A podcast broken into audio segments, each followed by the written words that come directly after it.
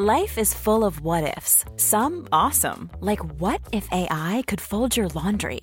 And some, well, less awesome, like what if you have unexpected medical costs?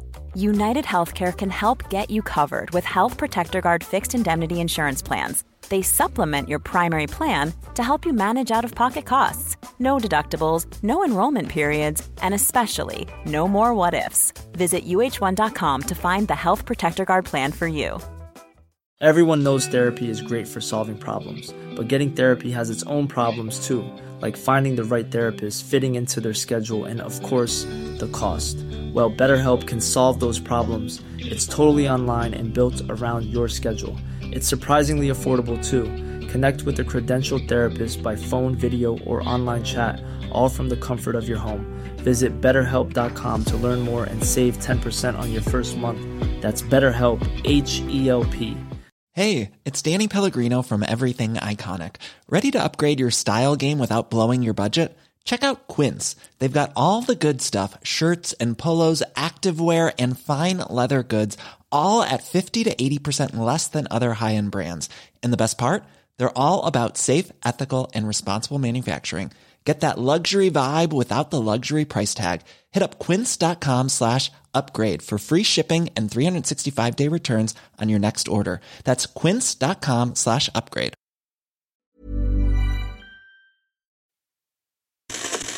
Ja, vi borde absolut fundera på varför vi, vi i så fall låter, om det är 200-300 barn, vara försvunna utan att vi granskar dem. Och, för mig är det helt irrelevant vad de barnen har för nationalitet. Alltså jag vet Nej, inte riktigt, det- eh, mm, Alice det- du lever i underlandet. Jag Alltså, vet att du tycker det, Ja, nej, men det, är går inte att förneka. Här har du ju fakta. Jenny presenterar fakta. Det är flera hundra barn, flyktingbarn som försvinner utan att någon lyfter ett finger. Jo, vad har jag Du sagt vet- om det? Jo, att det är ett problem. Ja, men, då så, men du kan inte förneka att det är ett problem att det görs skillnad på barn och barn. Jag tycker att du ska lyssna på vad jag säger. Medierna ska alltid granska makten. De ska inte liera sig med den. Men det och det jag- finns det gott om Ja, exempel på i media helt, idag. Som det gör. håller jag helt med om. Vi pratar om problem oavsett konsekvens. Så Det gör ni faktiskt Jo, inte. det är min, det Alltså, det för ett år det är sedan- min, det är min Ja. inställning att det är så det ska vara. Sen är det, upp, så är det sen är naturligtvis upp till andra att, att bedöma om vi klarar det eller inte. Jag menar, Du anser att de inte klarar Ja, det? nej, alltså för ett år. Jag började skriva om de här frågorna för sex år sedan. Och jag har blivit stämplad som det ena med det tredje. Nu sitter Socialdemokraternas partisekreterare och säger det jag har sagt i sex år. För ett år sedan så borde vi ha problematiserat vad en fri migration, som det var under åtta år med alliansregering, gjorde med en väldigt generös välfärdsstat. Vad gjorde det Jo, ändå? men Då du smällde ni upp hundra glada kändisar som är för humanism. Alla är för humanism. Det är inte det människor är oroliga för nu. Det är ett samhälle som håller på att splittras och som håller på att få en etnifierad underklass.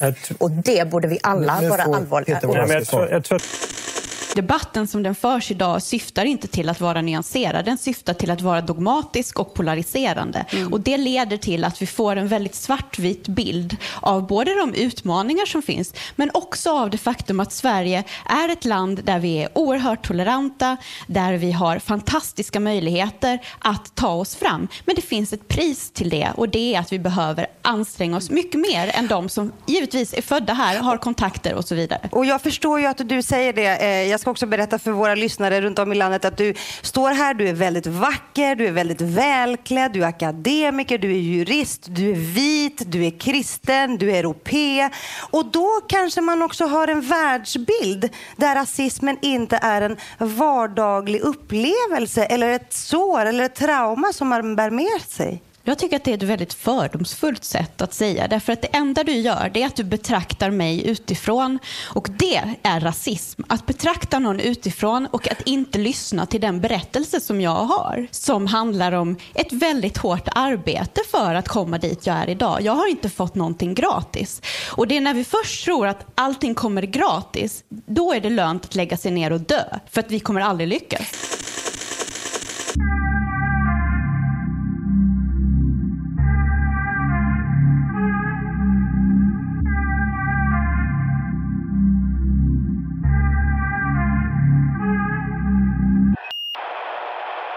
I vanliga fall så har vi vår mu- musik, eller ljudproducent Ashkan här. Mhm. Och Han skulle säga att det, det finns vissa regler som man måste följa.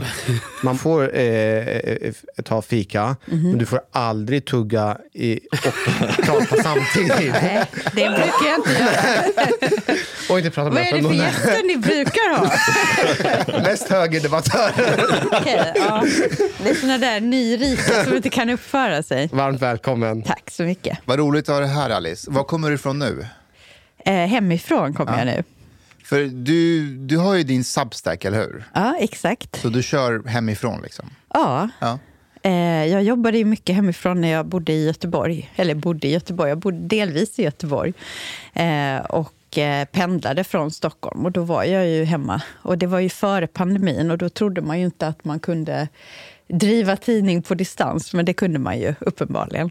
Eh, men nu driver jag då Klartext, eh, som är en publikation där jag gör politiska analyser, det jag har gjort länge nu, eh, i klartext. Då. Så att inga, inga såna här liksom, där man inte tar, tar en fast ståndpunkt, utan jag, jag försöker vara tydlig med vad jag tycker och säga det jag tycker och mena det jag säger.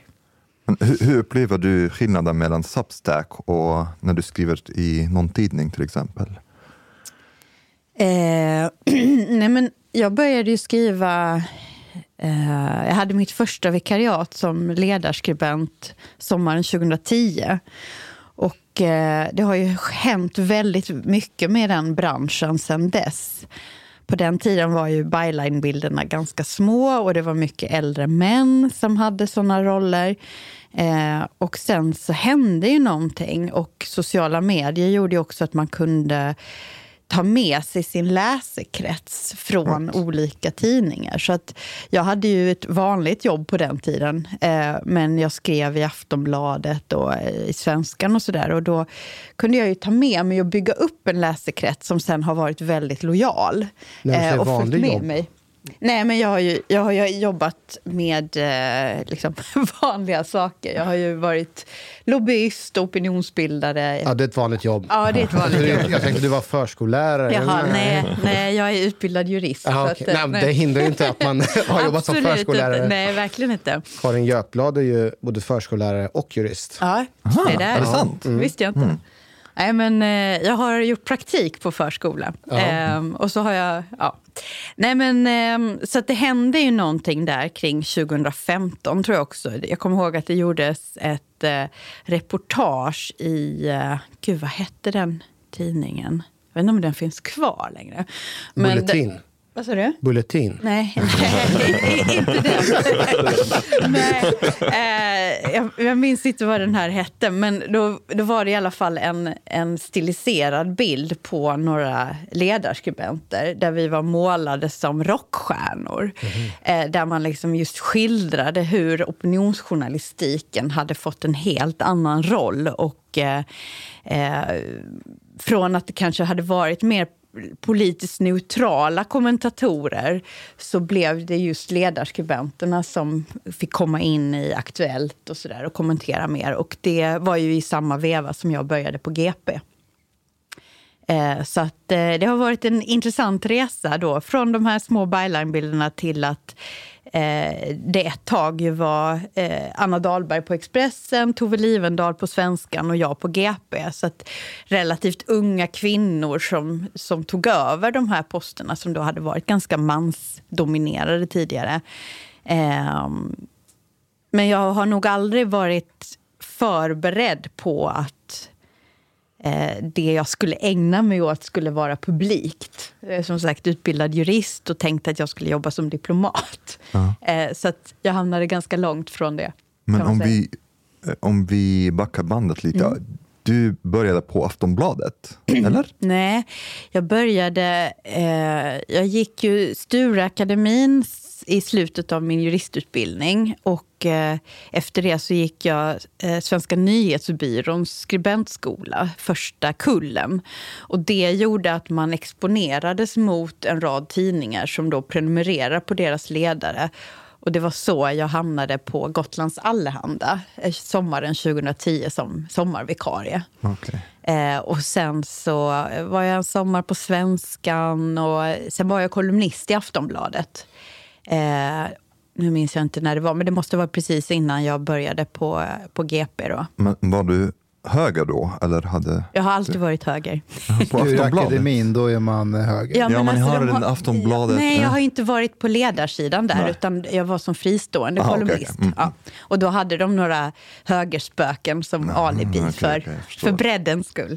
Men du har ju varit nu nästan på de flesta medierna. Idag skriver jag till och med på DNs ledarsida som Ja, oberoende det- kolumnist. Det vart ju Det ett går jävla... ut för. ja, eller hur? Det vart väl ett jävla ramaskri när du skulle börja där va? Ja, det verkar vara det varje gång jag börjar någonstans. Jag såg, var det på Twitter jag bara följde och såg att det var många som till och med sa upp sitt prenumeration va? Jag vet inte om det var så många som gjorde det, men det var många som i alla fall använde det som ett påtryckningsmedel. Vad är det som är så hemskt med dig och dina tankar?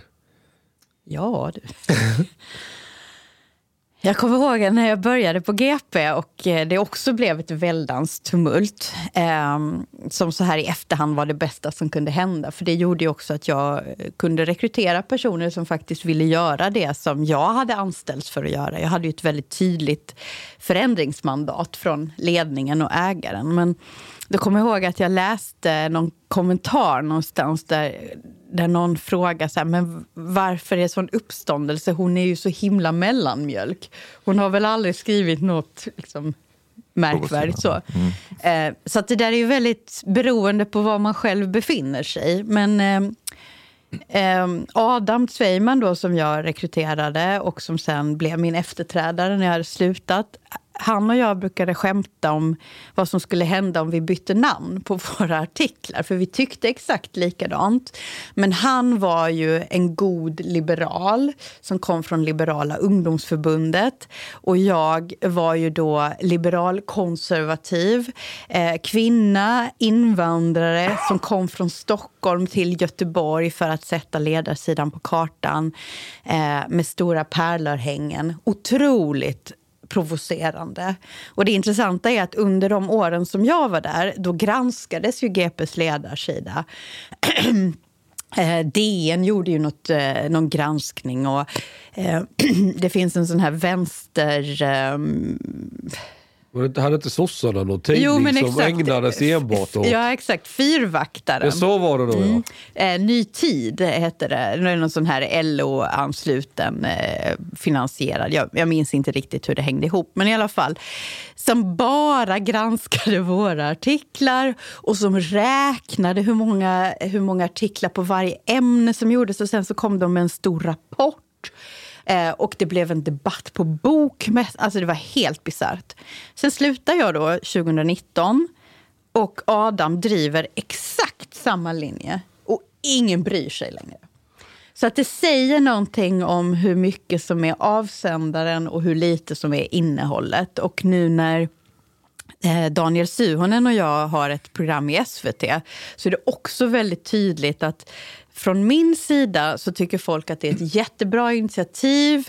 Eh, man tycker att det är viktigt med samtal mellan meningsmotståndare. Man, eh, man tycker liksom att han är en hygglig prick även om man tycker att han har fel ideologiskt.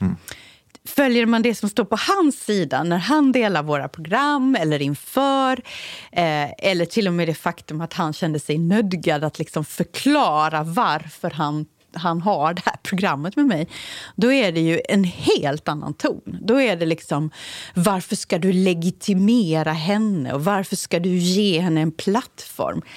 Eh, till saken hör att det var min idé och jag som ville ha med honom. Så är det någon som har gett någon en plattform så är det ju kanske omvänt. Men det säger någonting om det dåliga självförtroendet som vänstern har. Där de tror att de kan inte vinna debatter med goda argument. Utan deras enda sätt det är ju genom att inte ta debatten eller genom att tysta de de inte tycker om. Eh, och idag så är ju det som jag drev på GPs ledarsida och som var så otroligt kontroversiellt, ja det är ju sånt som Socialdemokraterna tycker. Men att vara före Socialdemokraterna, det är eh, kostsamt i Sverige. Känner du att du har vunnit idag?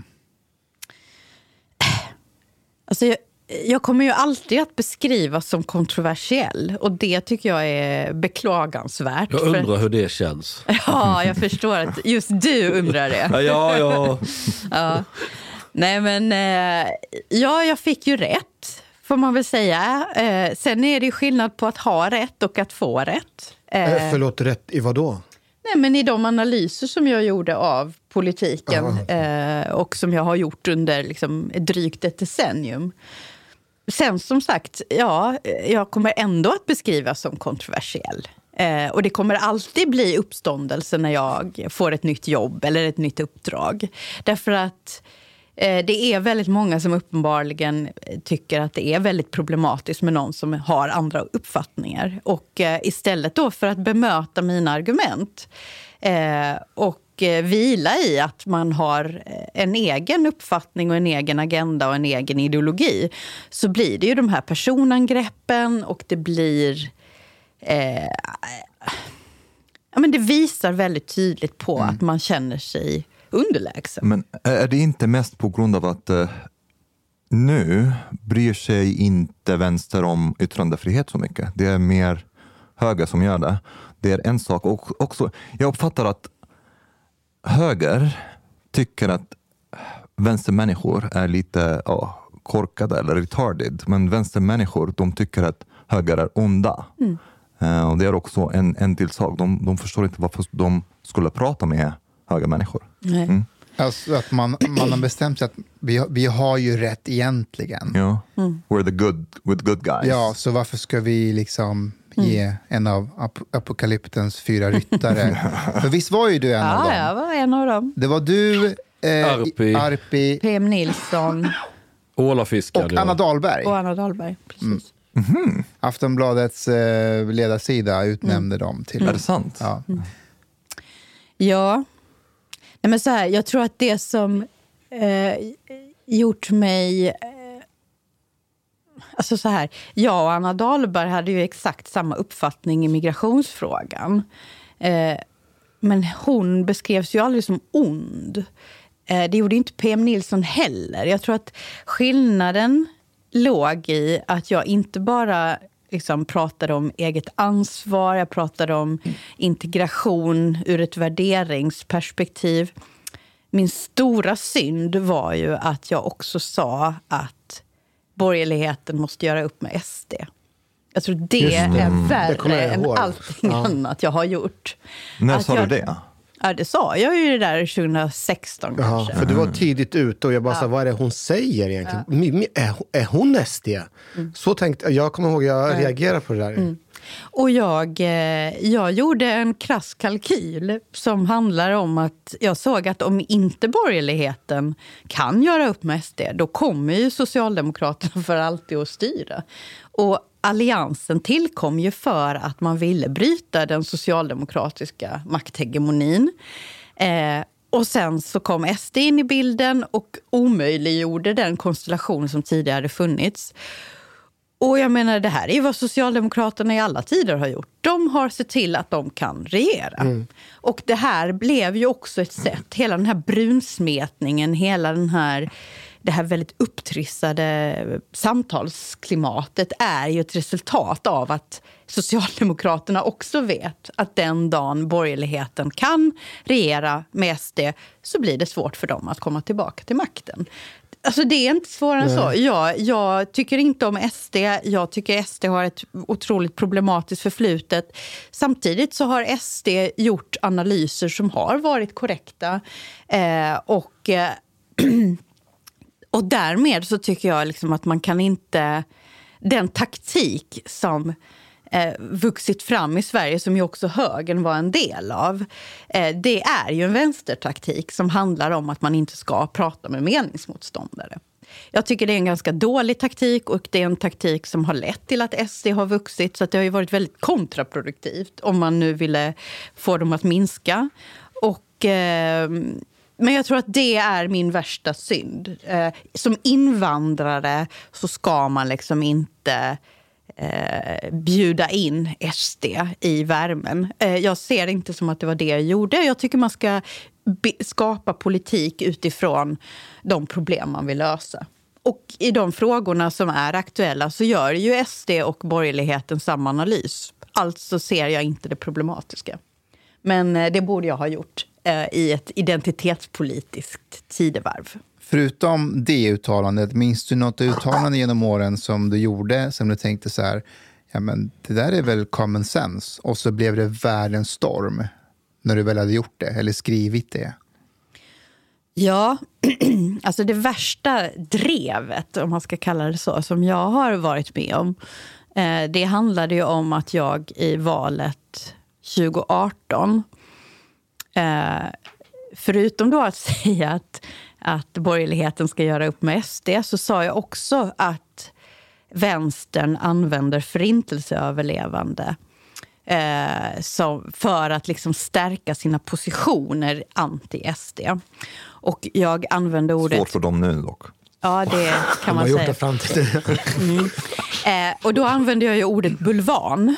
Eh, och med det menade jag ju inte att Eh, de förintelseöverlevande själva skulle sätta sig i den situationen. Utan jag menade att vänstern använder deras berättelser och deras oro och deras liksom, eh, perspektiv på ett maktstrategiskt vis som inte handlar om någon omsorg om eh, varken den judiska levande befolkningen eller den döda eh, judiska befolkningen som dog i Förintelsen. Eh, och bakgrunden till det var att jag och min man kvällen innan jag skrev den artikeln satt och tittade på Schindler's list som vi inte hade sett sen vi var liksom, unga. Och blev väldigt, väldigt berörda på nytt. Och då kände jag i den kontexten som var där då med Hedi Frid och den diskussion som pågick att jag, jag ville liksom göra ett statement där att det här är förfärligt. Hur man utnyttjar de här berättelserna för egen vinning. Och det där resulterade ju i ja, en rad helt bisarra artiklar där jag eh, utmålades som Mother's Day is around the corner. Find the perfect gift for the mom in your life with a stunning piece of jewelry from Blue Nile. From timeless pearls to dazzling gemstones, Blue Nile has something she'll adore. Need it fast? Most items can ship overnight. Plus, enjoy guaranteed free shipping and returns. Don't miss our special Mother's Day deals. Save big on the season's most beautiful trends. For a limited time, get up to 50% off by going to BlueNile.com. That's BlueNile.com. One size fits all seems like a good idea for clothes until you try them on. Same goes for healthcare. That's why United Healthcare offers flexible, budget friendly coverage for medical, vision, dental, and more. Learn more at uh1.com. antisemit, eh, förintelse... Liksom, Förnekare. Nej, inte förnekare, men ehm, det, det var otroligt obehagligt. Och det ledde ju också till att en eh, lektor, tror jag han var, vid Göteborgs universitet startade ett upprop eh, med sin eh, universitetsmailadress där han då skulle få mig avskedad från min tjänst på GP. Vad var det han hette? Jag intervjuade ju honom efteråt. Ehm, Ja, du kommer inte på namnet. Nej, jag kommer inte heller på namnet. Men i alla fall. Eh, och det där var otroligt obehagligt. Eh, och det var obehagligt just eftersom jag ju jobbade med liksom Adam Sveiman som är liksom, eh, barn till, till, eh, jag vet inte om det är förintelseöverlevande, men de har i alla fall liksom råkat väldigt illa ut i, historiskt i Polen och Ukraina och så. Eh, Peter Hjörne, Noomi. Det var liksom hela redaktionen kryllade av eh, personer som jag hade rekryterat och hade stor respekt för. Och eh, jag tog väldigt, väldigt illa vid mig. Och det är också lite pikant att det nu, eh, i dessa dagar när antisemitismen återigen visar sig väldigt tydligt, så är det ju inte jag som inte står på eh, judarnas sida, svenska judars sida. Utan det är ju den vänster som, eh, som jag petade i deras liksom svaga nerv som ju är de som inte har kunnat hålla rent varken i sin, sina partier, i sina rörelser eh, och bland sina väljare. Vi hade eh, Anders Lindberg här för ett tag sedan ja. och han erkände ju ogenerat att liksom i varje given eh, artikel han skriver om så försöker han hitta ett narrativ som är kopplat tillbaka till 30-talet. Kommer ni ihåg det? Erkände han det? Var det du som sa det till honom? Ja, men han erkände ju med, eller jag sa det att allting kopplas till 30-talet och han sa ju att han, det var så de gjorde. De, de skapade den här eller berättelsen. Eller frama eller vad han kallade det. Ja, exakt. Ja. Eh, men mig vetligen så har ju han själv nästan behövt överge den narrativet nu. Okay. För jag ser inte några artiklar. Nej. Det, det, är väl lite svårt att prata om 30-talet när de egna väljarna skanderar judehat på gatorna. Det är väl lite... ja, det, det finns också identitetspolitik även där. Så det finns vit antisemitism, den är dålig. Men, inte om det kommer från... Nej, om det är mer... Nej, men så är det nazister så har man alltid ja, liksom något att enas kring. Eh, men det visar ju också på hyckleriet i det här. Och det visar ju på exakt det jag skrev. Att man använder en historisk erfarenhet som är och borde vara unik eh, för att göra egna politiska poänger. Det finns inget genuint engagemang. Eh, och det, och det, och det är liksom Ja, det, det, den fas som vi befinner oss i och alla de masker som har fallit under den här hösten eh, och som också nu faller när man ser att det blir ingen fascistisk stat av att borgerligheten har SD i sitt regeringsunderlag. Det är tvärtom Socialdemokraterna som tycker att man ska visitera människor utan misstanke för att de eh, har gängattribut. Eh, det visar på att det, det, är väldigt mycket av det som har varit vänsterns retorik som nu faller samman. Man kan inte längre prata om 30-tal utan att ta avstånd från sina egna. Man kan inte längre använda SD som en mobilisator för att liksom samla de som är kritiska. Det kommer krävas någonting helt annat 2026 den här retoriken har sprungit ifrån dem. Och det säger jag äntligen, för det har varit så antiintellektuellt och korkat. Får jag bara ställa en följdfråga kring det här när du skrev den här debattartikeln kring, eh, kring bulvaner och så. Var kritiken att eller liksom eh, reaktionen var att förnekelse eller var det så att du hade så pass rätt att det var så jobbigt för dem och därför så skrev, eh, reagerade de som de gjorde? Hur, hur var, eh, vad, vad, var liksom argumentet utifrån det du skrev? Nej, men argumentet var att jag var cynisk och eh, en liksom, kallhamrad idiot. Som ja, det fanns ingen liksom... saklig argumentation. Det var väl ordet bulvaner man hängde upp sig väldigt ja, mycket men såklart, på. Såklart, man hittar någonting att hänga ja. upp sig på.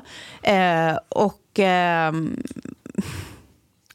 det var ju så här i sammanhanget korkat av mig att använda det ordet eftersom det har en juridisk innebörd som, som liksom kan tolkas på det sättet. Proxy Men, kanske hade varit bättre eller något. Vad sa du? Proxy eller Ja, sånt. eller liksom att man bara utnyttjar. Ja, ja. ja. Eh, men, men å andra sidan så var ju det ändå en text som lästes av en rad personer som är judar och ingen reagerade. Eh, det säger också någonting. Och jag tror att det är många vänsterjudar som kanske var kritiska mot det jag skrev som idag gör en annan bedömning. Och Det är också många som har hört av sig sen den 7 oktober och sagt att de har liksom varit vänster i hela sitt liv eh, och och, eh, och känt en stark aversion mot SD. Men efter det som har hänt så känner man inte längre att det är en borgerlig regering som, som kommer hota den judiska minoritetens möjligheter att leva i Sverige. Utan de strömningarna finns någon helt annanstans. Och det är ett, tror jag, väldigt jobbigt uppvaknande för många människor som just har sett vänstern som moraliskt högstående, som goda. Eh, det är ju den bild de själva gärna odlar och det är en bild som tyvärr också borgerligheten har accepterat och därmed också blivit medberoende i det här. Att man, mm. att man hela tiden vill ha vänsterns eh, Välsignelse. Välsignelse, ja, ja exakt. Är, är borgerligheten fega? Nej, men borgerligheten har ju ett mindervärdeskomplex. Med andra ord, ja, de är fega. Eh, Alice, du har jobbat med Moderaterna och deras idéprogram. Ja. Vad är din erfarenhet från den tiden? Är det här att de är Fega. fega? Eller vad, Nej, vad, men vad var det alltså, för lärdomar nej, du drog här. från den perioden? Nej, men ingen, ingen anständig människa vill ju utmålas som rasist. Alltså om, man, om man ser vad rasism och nazism och fascism har inneburit i historien så är det klart att ingen som inte är det vill utmålas som det. Men, eh, varför blir folk tjej? Vad sa du? Varför blir folk tjej? Nej, men därför, alltså så här, det är väl rimligt att man bryr sig. Det är en fruktansvärd anklagelse. Ja. Problemet är att man från vänster använder det för att just tysta. Man, jag, jag kan inte tänka mig att Anders Lindberg tycker att jag är en fascist. Nej. Nej. Utan det är någonting han säger, det betyder ingenting. Men det gör någonting med både orden och historien och också samtalsklimatet. Jag tänker så här när, när man jobbade som polis ute i förorten. Och det, de flesta var ju med utländsk bakgrund. Var och varannan man stoppade och bötfällde, då var man ju rasist. Och man kunde inte låta bli att skratta åt det. Men det var inte så, åh nej. Kan, alltså, man, kunde inte göra så stor, man behövde inte göra så stor grej för man visste ju om att man inte var rasist. Alla vet ju om att det bara är en grej de säger i affekt. ju. Och då tänker jag så här, när man vet om det men- och inte göra, alltså, det, blir, det blir enklare att hantera när man inte gör så stor grej utav det. Tänker jag. absolut, absolut. Men det kräver ju ett... Att man är lite fascistisk. Men det kräver en, en, liksom, en integritet och ett självförtroende. Och det kräver någonstans att man, att man inte är rädd för vad andra tycker. Att man inte låter andras bild av vem man är övertrumfa den egna bilden av vem man är. Och jag tror att när man, när man i en svensk kontext eh, så länge har varit synonymt med liksom, undantaget, det som är sämre. Eh, ja, men, Socialdemokraternas antites. Då är man också på något sätt liksom en del av ett system där man roterar kring eh, den socialdemokratiska solen. Och det finns liksom en stark eh, tendens inom medier, bland kulturpersonligheter att luta åt vänster. De sätter bilden och då... då alltså alla människor vill ju vara omtyckta. Men att som politiker ha det... Vad sa du? Av vänstern? Nej, om, om vänstern är den som sitter på makten att definiera vad som är gott, det så kallade problemform, pro, problemformuleringsprivilegiet, då är det ju ändå i deras värld som man rör sig om man inte tar tillbaka den makten att definiera vad som är gott. Vad är rättvisa? Vad är solidaritet? Eh, så länge man ger dem rätten att säga vad det är, ja, då blir man alltid, då hamnar man i underläge. Exakt. Och det tror jag har varit liksom, eh, det är en viktig lärdom att eftersom Socialdemokraterna inte har några principer mer än makten och de kan ändra sig från att liksom utmåla något som rasistiskt oanständigt, omoraliskt till att nästa dag föreslå exakt samma sak. Och då är det ingen som reagerar, för då kommer det ju från rätt avsändare. Det är ju en läxa till borgerligheten att sluta bry sig om vad de säger. För de kommer... De, alltså, de, de, bry, de bryr sig bara om makten. Och det är det misstaget som jag tycker borgerligheten har gjort. Att man har varit så låst i det här. Liksom, vad, vad, ska, vad ska de säga om oss? Ja, men skit i vad de säger om oss. Är det inte lite psykologiskt spel det Jo, där? För Absolut. det här att man inte blir omtyckt av någon. Det är ju väldigt mycket, om man sätter sig i en situation och så är alla jättearga på en och, och he- hej och hå. Men fortsätter man köra sin linje så efter några viss tid, och det är ingen lång tid, så kommer oftast allting vända och sen var det världens självklarhet. Om, om man bara inte backar. Vet, Hanif Bali var inne på det att man ska aldrig pudla eller backa. Okej, I vissa fall kanske man borde göra det om man uppenbart inte står för det som ja, någonting misstolkat. Men många gånger så har jag ju märkt i debatten att jag betalar för koranbränning till exempel. ja, men om du bara kör din linje Så, jo, men om du bara kör din linje så, så, så kommer du snarare vinna på det. I början av året så var man ju liksom ryssagent och hej och hå. Nu ser ju alla hur Erdogan håller på. Oj, det kanske var en poäng att markera mot. Och likadant det här med islamism och allting. Ja, det, det är ju högaktuellt och det är inte på grund, jag menar det är väl inte mitt fel att Hamas attackerar Israel. Är det inte? Kanske. Jo, det, det är kanske någon expert som kommer fram till det. Men, men, men det blir lite att... Eh, vet man med sig att man har en poäng i det man gör så ska man nog inte vara så rädd och, och, och ta lite skit. För det är lite det SD har vunnit på i alla åren, att de har tagit en position och man får alla emot sig för de pekar på ett problem eller någonting som skaver. Och ju mer rätt de hade, ju mer blev de nästan attackerade. Men eftersom de sen vägrade backa från det och så får man rätt med tiden, då äger ju de frågorna och de har ju växt Right. och blivit ännu större. Och det är lite så det funkar. Ju, nästan, ju mer hatad man är ena stunden, ju mer älskad blir du något år senare för att man har stått fast där. Jag tänkte på någonting. Eh, det var inte så länge sedan som Ulf blev ju... Han hade något tal någonstans i Göteborg där han sa folk någonting. Ba- Bara folk, hur är- han sa inte M. Nej. Och så, så vart det världens grej Ja. om det. Och sen så såg jag honom i någon intervju, SVT, jag kommer inte ihåg ifall det var Rapporter Aktuellt, där någon reporter ställde frågan så här. Sa du verkligen det här? Eller vad var det du menade egentligen? Och han bara så här, nej, jag sa verkligen inte det här. Och jag tänkte så här, vad fan, varför ens utsätter han sig för själv för den situationen? Alltså om människor redan tycker och tänker någonting kring Ulf, varför kan inte han bara köra, "Sk- jag skiter i vad ni tycker och tänker, utan jag vet vad jag står för. Istället så skulle han ändå ut där och bli intervjuad. Som, att, som precis som du säger, att han liksom inte kan bara acceptera att han inte kommer vara omtyckt. Det handlar om personlighet också kanske. Högern har ju den här anständiga högern. Det har ju liksom varit också högerns identitet i väldigt många år. Eh, blir det inte då jobbigt när du och Hanif Bali och andra kommer och utmanar, alltså inifrån? Kan du förstå att en del blir arga då, från högerhåll? Man ska vara schysst, man ska vara anständig. Och Ja, men jag, jag tycker att jag har vinnlagt mig om att vara just schysst och anständig. Det är ytterst sällan som jag har skrivit någon text om någon annan ledarsida eller någon annan skribent. Eller liksom. Jag tycker att det intressanta är eh, vad idéer leder till. Vad är, blir utfallet av ett politiskt eh, förslag? Jag är inte så intresserad av vem som säger det eller, eller var det sägs, utan jag är intresserad av innehållet.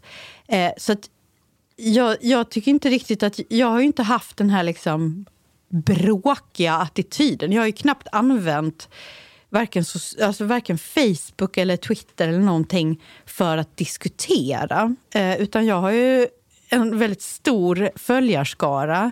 Men jag har ju använt båda de här plattformarna för att dela eh, mina texter eftersom jag just har skrivit på många olika ställen. Och, och den läsekrets som jag har har, eh, har liksom följt mig på det sättet. Så jag, jag tycker inte... Jag känner inte igen mig i den här eh, bilden av eh, den skräniga högen.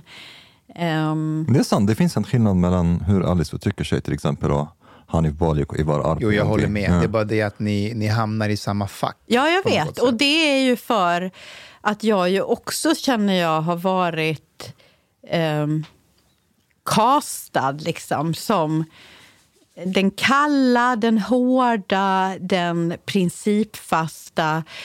Och Det är också en linje som jag har valt. När jag står i Aktuellt med Anders Lindberg och han pratar om vad han känner så tycker jag det är ganska ointressant vad han känner. Jag känner också en massa saker.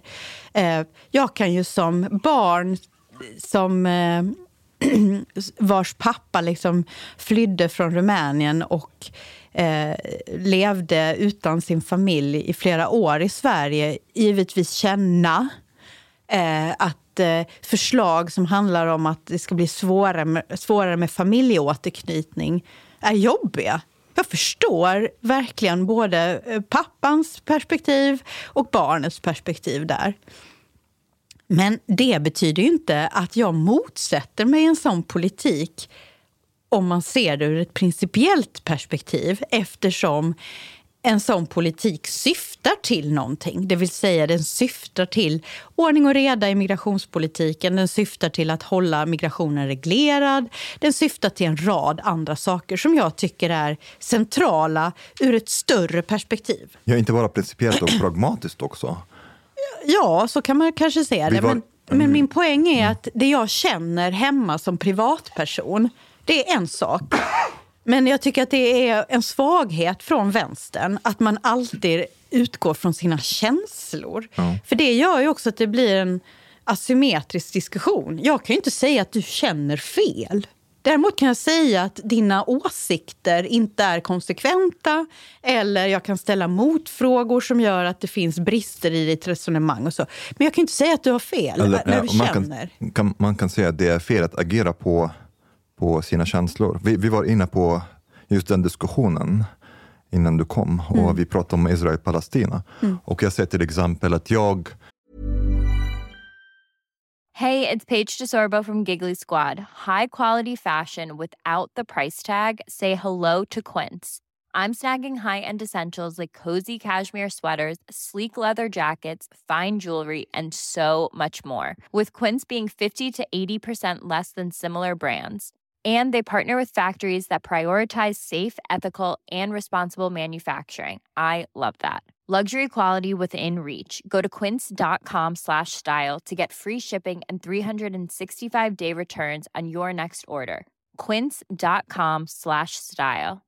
Imagine the softest sheets you've ever felt. Now imagine them getting even softer over time. That's what you'll feel with Bowl and Branch's organic cotton sheets. In a recent customer survey, 96% replied that Bowl and Branch sheets get softer with every wash. Start getting your best night's sleep in these sheets that get softer and softer for years to come. Try their sheets with a 30-night guarantee. Plus, get 15% off your first order at bowlandbranch.com. Code BUTTERY. Exclusions apply. See site for details.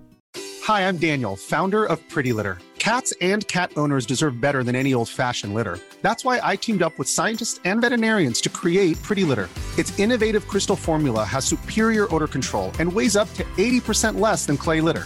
Pretty Litter even monitors health by changing colors to help detect early signs of potential illness. It's the world's smartest kitty litter. Go to prettylitter.com and use code ACAST for 20% off your first order and a free cat toy. Terms and conditions apply. See site for details.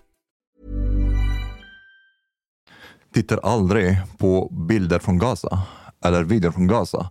Och jag, jag vet att jag kommer, jag kommer må dåligt av det. Och, men, men jag tycker inte generellt att man ska agera på sina känslor. Det finns en verklighet som man måste förhålla sig till. Och samma sak till exempel, du Hanna, du pratade om eh, migration och till exempel när det var krig i Syrien. Om man bara agerar på känslorna, det är hemskt förstås att det finns krig och finns folk som flyr. Men om man tillåter sina känslor eller sin empati styr sig på det sättet, man ska bara öppna gränser då och alla ska få komma till Sverige. Eh, och då är det fel. Jag tänker bara att eh, ibland så blir det lätt genom att bara tänka rationellt, men ibland när man sätter sig in emotionellt i en situation, då kan man också förstå vidden av komplexitet, komplexiteten i problemet. En fråga som vi är överens om är just det här migrationsfrågan. Så vi ska begränsa mig- mig- migration till Sverige, men också eh, åter... Eh, vad heter det nu igen? Familjeåterföring. Alltså att man ska få typ eh, anhöriga... Återförening. Återförening. Och sen så var jag med om, eh, mina föräldrar tog hand om, eller hjälpte en eh, eritreansk eh, man. Och han lämnade ju sin eh, familj och barn i Eritrea, kom hit. Och efter tre år så lyckades de återförenas. Och jag fick vara med när, när barnen fick träffa sin pappa för första gången. Och det var en sån stark känsla. Och, och där och då, när jag var med och bevittnade det, så började jag få ett annat perspektiv i frågan i sig. Jag tänkte så här, att det är lätt att tycka en sak, men, men när man ser vad det faktiskt gör för människor, att det gör stor skillnad för dem, då blir eh, frågan mycket mer komplex. Det är väl där jag tänker någonstans i det hela, att det inte är fel att liksom kunna ta in det andra perspektivet, för då får man också ett större djup. Men, Nej, men jag håller med. Alltså, det, det går ju inte... vi är ju eh, mänskliga varelser som har känslor, så det är klart att det är en dimension. Men min poäng är ju att jag har ju varit det där barnet som sprang mot min pappa som jag inte hade sett på flera år på en båt mellan eh, Sassnitz och Trelleborg 1989. Jag, jag, jag har varit det där barnet som eh, blev uppringt en gång i månaden från Sverige och som liksom blev sjuk av längtan efter varje sånt samtal. Jag vet exakt hur plågsamt det är. Och som förälder idag så kan jag inte föreställa mig hur det skulle vara att vara borta från sina barn. Jag, jag liksom saknar dem bara jag går hemifrån. Men vad blir konsekvensen av regler som till exempel det du nämner där med att vi öppnar gränserna för alla som har det svårt? Ja, det funkade väl jättebra? Ja, exakt. Det funkade jättedåligt. Eh, och det var också en aspekt som jag lyfte fram 2015 där jag försökte liksom resonera kring, okej, okay, inom vänstern har det alltid funnits en förståelse för att en välfärdsstat är väldigt dåligt rustad för att öppna sina gränser. Alltså en välfärdsstat funkar bara med rigida gränser. Det har socialdemokrater vetat i alla tider. Helt plötsligt så bara bortsåg man från det. Man ville ha kakan och äta den och det går inte. Och politik handlar om att välja bort. Det handlar om de här svåra konflikterna där man känner någonting kortsiktigt men där konsekvenserna långsiktigt blir förödande om man går på den här känslan. Och det leder också, får jag bara säga, det leder också till... Jag är ju i grunden en liberal person som i teorin skulle vilja ha fria gränser. Jag tycker att det är helt rimligt att alla människor som inte kan bestämma var de föds, det vill säga ingen av oss kan det, ska få bestämma var man vill leva sitt liv. Jag har full respekt för att man vill ge sina barn de allra bästa förutsättningarna. Och världen är orättvis och vi, vi får väldigt olika förutsättningar beroende på var vi föds.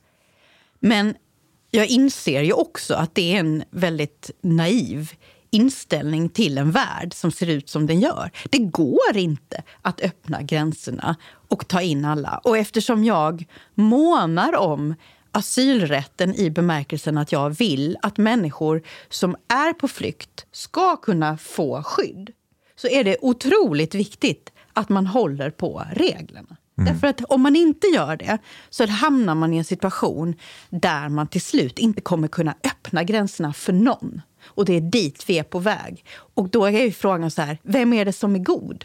Är det den som säger, ja men ta hit alla, och så leder det till att till slut ingen kan komma? Eller är det jag som säger att migrationen måste vara begränsad för att vi alltid ska kunna ta emot människor som behöver det? Vem är det som är god och ond egentligen? Du kopplar ju öppna gränser till vänstern här nu. Men borgerligheten har ju lika stor... Absolut. Så om, om, man, om man förklarar att eh, vänstern fick hybris och inte förstod att en eh, fungerande välfärdsstat inte går att kombinera med öppna gränser, vad, hur förklarar man borgerlighetens öppna, eh, öppna era hjärtan? Jag tror att man kan förklara det med att eh, högern ju inte värdesätter välfärden på samma sätt. Alltså för högern så, för, så här, för delar av högern eh, så var det säkert så att man såg det här som ett sätt att faktiskt riva ner välfärdsstaten. Mm. Det fanns ju liberaler som var av uppfattningen, ja, vadå, folk kan väl leva på ett kilo ris. Liksom. Ja, vad heter han? Segerfält. Segerfält. Eh, Denna stora tänkare. Och jag menar, eh, har man, den in, har man den inställningen, vi har ingen välfärd, alla får komma hit och klara sig bäst de vill. Ja, då är det ju en annan sak. Men jag tror att borgerligheten... Alltså nu var det nog så här att Fredrik Reinfeldt var övertygad i de här uppfattningarna. Men... Han är fortfarande det, eller hur? Jag tror att han är det. Jag tror att han är genuint mm. övertygad om det här. Till skillnad från andra runt omkring honom. Jag hade ju många vänner som jobbade i statsrådsberedningen och som Eh, det här är ju då liksom när tiggerifrågan var stor, bland annat. Och som försökte visa på det här. Och det var liksom kalla handen. Jag kommer ihåg att jag pratade med Mikael Sandström som var Reinfeldts statssekreterare vid flera tillfällen.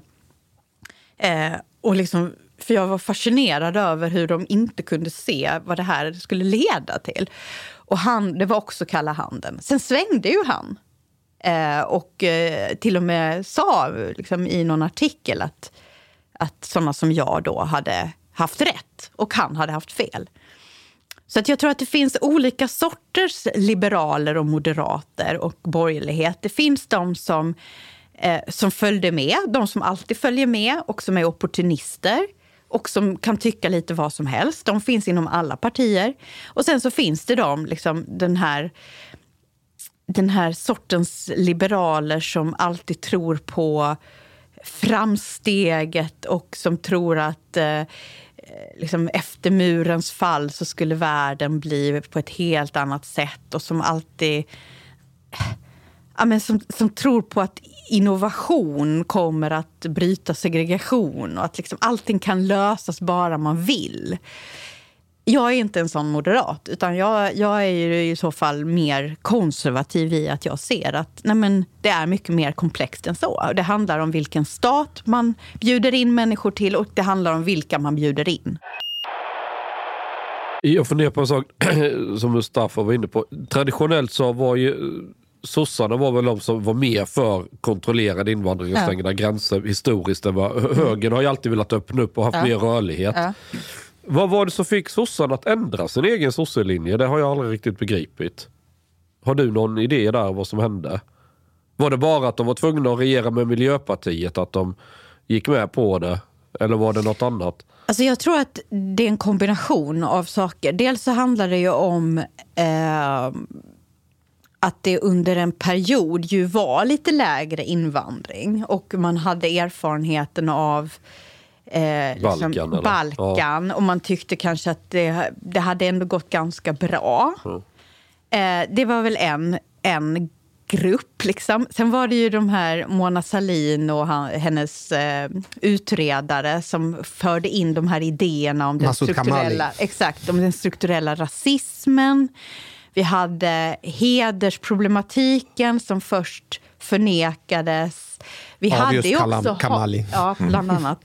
Och så hade vi ju liksom eh, Lasermannen och det Ja, var ju det. liksom en rad omständigheter som samspelade som jag tror eh, jag vet inte om ni har läst eh, Åsa Erikssons Farväl till Bullerbyn. Eh, jag hon är socialdemokratisk riksdagsledamot och har skrivit en väldigt intressant bok som är en interiör till hur den här diskussionen fördes inom Socialdemokraterna. Och hon har intervjuat gamla ministrar som Mhm. var med. Eh, Så henne skulle jag rekommendera att ni faktiskt pratar med, för hon är, eh, hon är intressant. Och då då säger ju också de här gamla ministrarna att ja, men liksom Tage Erlander hade ju en uppfattning och han förstod ju och var emot det här. Sen kom Olof Palme med en annan syn på solidaritet och den humanitära stormakten och så. Eh, Så det fanns ju en konflikt inom Socialdemokraterna också mellan den här viljan att, att vara eh, allsmäktig och god och de som månade mer om välfärdsstaten. Eh, sen samtidigt så visste man att ja, men för att det här ska... Alltså det är en sak att vara i retorik liberal och humanistisk när man vet att gränserna ser ut som de gör, eh, att det finns ett transportöransvar, att det Ja. finns en rad saker i lagstiftningen som gör att oavsett om vi säger alla är välkomna så kommer alla inte kunna komma hit. Det som sen hände var ju att det blev lättare att komma hit, rent faktiskt. Och det ledde ju till att det här ställdes på sin spets. Det går inte att bara prata om det i teoretiska termer för att posera som god, utan det här kommer ju få en konsekvens. Sen kom SD, liksom hotet från SD och viljan eh, från båda blocken att markera mot det. Det. Eh, det blev ju liksom en maskopi där, där man ju också såg risken att man skulle få SD kastat på sig. Eh, det fanns ju en sån diskussion mellan Mona Sahlin och Fredrik Reinfeldt till exempel. Så det, det, det är många faktorer som jag tror tillsammans ledde till att man låste sig i två positioner som sen blev väldigt svåra att bryta just för att de ju hade den här moraliska dimensionen. Man stod upp mot nazismen. Det är ju någonting som verkligen kan förena människor från alla spektrum. Eh, och ju mer man gjorde det, desto mer växte de och desto svårare blev det också att adressera de frågor som människor oroade sig för. Så istället för att S och M fortsatte att vara den här järnaxeln som stod upp för den reglerade migrationen. Så släppte man det och allt fokus handlade på att ta avstånd från SD. Mm. Vilket jag också gjorde, för jag kommer ihåg att jag... Vad kan det ha varit? Ja, men i, I valrörelsen 2010 så var jag på ett seminarium, Fores kanske, minns inte. Och så var Tobias Billström där och han var ju migrationsminister. Och jag gick fram till honom och så sa jag, du, jag, jag ser ett skifte i min mejlkorg. Från att tidigare var eh, liksom, de som hörde av sig och som tyckte saker om migrationspolitik var uppenbara rättshaverister som hade svårt med kommatering och Ja, utropstecken och liksom versaler. Till att det där skiftade mycket under 2010 till att bli människor som skrev sitt namn, skrev sin titel, skrev att man i grunden är för eh, en öppen och liksom generös migration men man är oroliga för integrationen. Man har röstat på Moderaterna hela sitt liv men man är genuint orolig. Och jag sa det till honom, jag ser ett skifte här. Jag tror att det är våra väljare som nu är på väg att lämna. Och han viftade bort det. 2010 sa du? Ja. Ja. I, alltså tidigt 2010. Okej. Eh, och sen var det ju det som hände. Så att från att det liksom... Så SD har ju varit fantastiskt framgångsrika i att liksom locka väljare från alla partier. Eh, och det kan ju på sikt bli en utmaning för SD när man liksom ska utmejsla en politik som, som förenar både det som är höger och det som är vänster. Men, men det jag såg, det var ju just de här besvikna moderata väljarna som kunde skriva, som kunde stava och som inte var rasister. Som började oroa sig för helt andra frågor. Och de frågorna hade inte borgerligheten ett svar på. Och det var viktigare, mycket på grund av att Fredrik Reinfeldt också hade en ledartaktik som gick ut på att man liksom skulle köra på ett spår utan att reflektera. Eh, att, eh, att de här frågorna lämnades till SD. Och det har ju både S och M bidragit till. Och det är... Eh, de sitter ju i den båt som de själva har rott. När de kom in i riksdagen, SD, Mm. var inte du lite orolig själv? För? För att det... Okej. Du har lyssnat så här långt. På sista måltid. En mycket fin radioprogram i Sverige. Du tycker det är mycket trevligt. Men, lyssna på mig nu. Det här var inte hela avsnittet. Det var bara en liten smakprov. Hela avsnittet är nämligen mycket längre. Om du vill lyssna på alla hela avsnitten, då du måste betala biljet på klubb sista måltid. De har grabbarna de behöver pengar. Flis. Lax. Stolar. För att betala Chopa Shoppa blodpudding till familjen. Oka tunnelbana. Eller dricka en kall Norrlands guld på uteservering ibland. Les i beskrivning för avsnitt, där det finns information för att bli medlem på klubb Sista måltid. Det kostar som ett par kaffe latte ute på torget. Per månad. Som ett paket erbjudande, helt enkelt. Lätt som en plätt. Tack, min vän.